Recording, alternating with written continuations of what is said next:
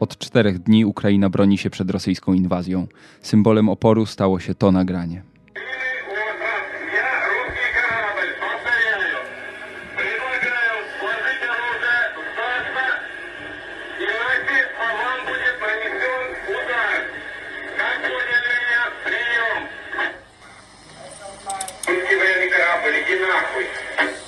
Rozmowa, w której ukraińscy pogranicznicy z malutkiego posterunku na Wyspie Węży w szorstkich słowach odmawiają poddania się rosyjskiemu okrętowi wojennemu, przejdzie do historii. Już teraz jest stałym elementem protestów przeciwko rosyjskiej agresji na całym świecie, ale te słowa słychać także w Ukrainie, gdzie wciąż toczą się walki.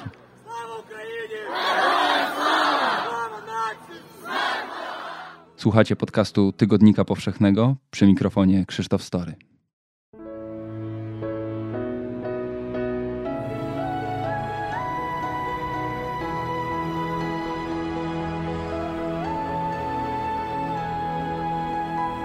Podcast powszechny. Weź, słuchaj. Relacjonujemy dla Was wydarzenia w Ukrainie nie tylko w serwisie specjalnym na stronie tygodnika, ale także w podcaście. Jestem w stałym kontakcie z Pawłem Pieniążkiem, naszym korespondentem w Kijowie. Posłuchajcie jego relacji nagranej rano w sobotę 26 lutego. Walki w nocy były ciężkie. Tam doszło do starć w okolicach kijowskiego zoo. Rakieta spadła przy bloku mieszkalnym na prospekcie Lobanowskiego. Tam widziałem, pracownicy ratują, wyciągają ludzi z piwnic. E, W mojej okolicy było bardzo spokojnie, nic się nie działo, nie było nic słychać. Paweł kilka godzin później pojechał na miejsce zdarzenia. Dwie osoby zostały tam ranne. Mnóstwo kawałków tego budynku, szkła, gruzu walało się tam. Mm, Dużo ludzi też przychodziło robić zdjęcia telefonami, bo stało się to też trochę jakąś taką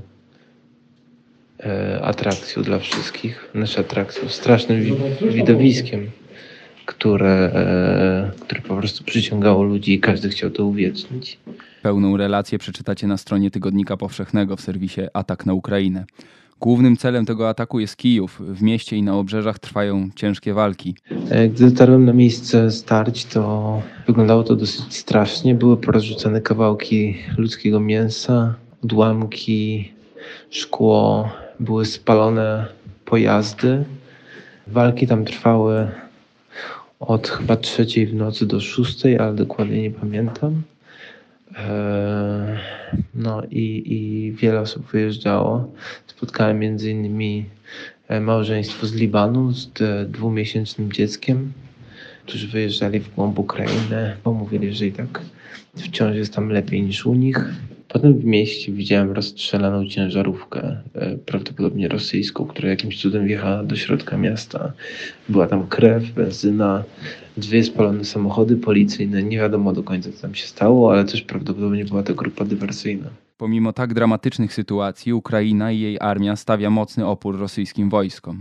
Jak pisze w tygodniku Wojciech Konończuk, celem Rosji był szybki blitzkrieg, zdobycie dużych miast, w tym Charkowa i Kijowa, a także opanowanie możliwie dużej powierzchni Ukrainy. Kreml liczył, że szybkimi działaniami zastraszy społeczeństwo ukraińskie, co sprawi, że zrezygnuje ono z woli oporu. Choć zdecydowanie za wcześnie na przesądzenie sprawy, to wiele wskazuje, że pierwotny rosyjski plan nie wychodzi. Faktycznie Ukraina nadal kontroluje Kijów, a w niedzielę gubernator obwodu charkowskiego poinformował, że siły ukraińskie odzyskały kontrolę nad miastem. Ducha walki opisuje też w swoich relacjach Paweł Pieniążek. Wyjechaliśmy rano do zachodniego Kijowa. Rozmawialiśmy tam z ludźmi, którzy byli. Z jednej strony wielu było przerażonych i wyjeżdżało, a drudzy byli bardzo zmotywowani. Na przykład spotkałem kobietę, która e, przynosiła jedzenie dla żołnierzy. Mówiła, że powiedzieli, że potrzeba piasku, więc zaczęła organizować piasek, zobaczyła, że robią barykady. E, więc e, jest też jakaś taka bardzo mocny duch e, i jakaś organiz- próba organizacji, czy tam samoorganizacji. Rano 27 lutego ukraińskie Ministerstwo Obrony przedstawiło swoje statystyki dotyczące strat Rosji. Według tych danych Rosja przez kilka dni miała stracić ponad 4000 żołnierzy, 27 samolotów, 26 śmigłowców, 146 czołgów. Mer Kijowa Witalij Kliczko powiedział: Kijów nadal się broni, w stolicy nie ma wojsk rosyjskich, ale nasze wojsko, organy ścigania nadal wykrywają i neutralizują sabotażystów. W nocy dochodziło do starć i potyczek. Zniszczono kilka dużych grup sabotażowych. Tylko w piątek w ukraińskiej stolicy wydano 18 tysięcy sztuk ręcznej broni strzeleckiej. Rosjanie z kolei zmierzają do okrążenia stolicy i jej blokady, odcięcia dostaw energii i wody, co miałoby zmusić obrońców do kapitulacji. Ponad 3-milionowe miasto przestało normalnie funkcjonować.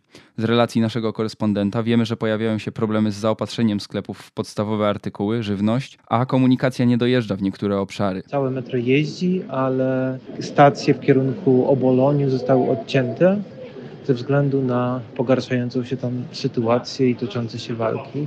E, spotkałem na przykład mężczyznę, który postanowił, że pójdzie na piechotę, choć to 15-20 kilometrów, dlatego że też bardzo trudno o taksówkę, a ich ceny są bardzo wysokie. Problemem staje się też dostęp do pieniędzy. Szukałem jeszcze długo kantorów, bo już ich praktycznie żaden nie działa i bankomatów, żeby wypłacić trochę pieniędzy. Są limity do 1000 hrywien dziennie z każdego banku. Stacje metra dla wielu stały się schronieniem. Jeszcze w piątek Paweł przysłał mi relację z jednej z nich. Jestem w metrze na kontraktowej ploszci, to jest e, dzielnica Podil. Metro całe stało się miejscami, gdzie e, ludzie nocują, przyjeżdżają, szukają schronienia. Wiele osób leży tutaj na kocach, materacach. Widać, że są tu niektórzy długo. Część osób, między innymi te, z którymi rozmawiałem, akurat przyjeżdżały z dzielnicy Oboloń, pojechały rano, jak zaczęły, zaczęły się tam e, walki e, i zaczęły się robić niebezpiecznie. Wkrótce tam metro odcięto. Szerszą relację ze stacji metra przeczytacie na stronie internetowej tygodnika. W Kijowie od kilku dni obowiązywała godzina policyjna od 22 do 7 rano. Teraz została rozszerzona na cały weekend. Próbowałem pójść do sklepu, ale z powodu tego, że wprowadzona została godzina policyjna, w sensie została rozszerzona godzina policyjna, bo wcześniej była tylko w godzinach 22, 7, a tu została rozszerzona od 17 do 28 lutego, czyli do poniedziałku. E, To pozamykały się ostatnie sklepy, nie można było już kupić e, nic. Ileś osób e, chciało uzupełnić zapasy, ale im się nie udało. Więc od tego czasu jestem w domu. No i do poniedziałku mogę jedynie udać się do schronu. To była relacja Pawła Pieniążka, korespondenta Tygodnika Powszechnego z Kijowa. Paweł dalej będzie dla Was relacjonował wydarzenia w Ukrainie.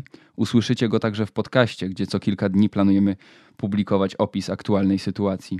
Ta zaś zmienia się bardzo dynamicznie, ale dzisiaj, czyli 27 lutego, wydaje się, że Ukraina stawia Rosji mocniejszy opór niż spodziewał się tego Władimir Putin. Wielu ludzi oczywiście wyjeżdża z kraju. Tylko w sobotę z Ukrainy do Polski wjechało 77 tysięcy osób, ale wiemy, że intensywny jest też ruch w drugą stronę. Wielu ludzi jedzie bronić swojego kraju. Nieprawdziwe są oczywiście rozpowszechniane przez Rosję informacje o tym, że Kijów opuścił Wołodymyr Zełenski. Prezydent Ukrainy sam zdementował plotki w krótkim filmie nagranym na ulicach Kijowa. Зараз в мережі дуже багато з'явилось фейкової інформації, що, немов я закликаю складати зброю нашу армію і йде евакуація. W ostatnim czasie pojawiło się wiele fałszywych informacji, że wzywam naszą armię do złożenia broni i ewakuacji. Posłuchajcie, ja tu jestem. Nie złożymy broni. Będziemy bronić naszego państwa. Naszą bronią jest nasza prawda. A prawda jest taka, że to jest nasza ziemia, nasz kraj, nasze dzieci. I tego wszystkiego będziemy bronić. To wszystko, co chciałem Wam powiedzieć.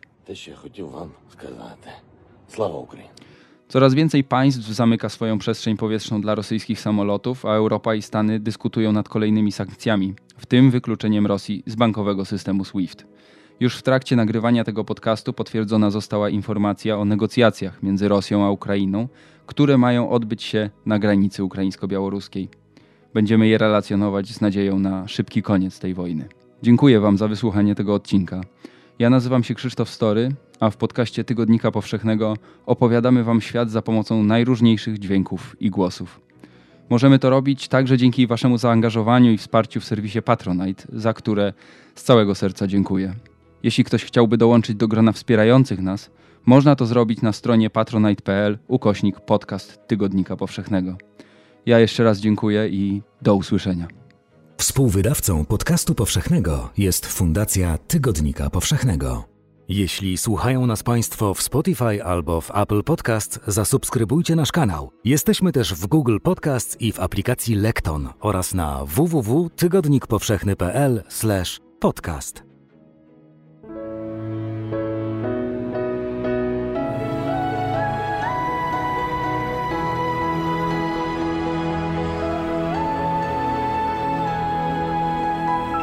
Podcast powszechny.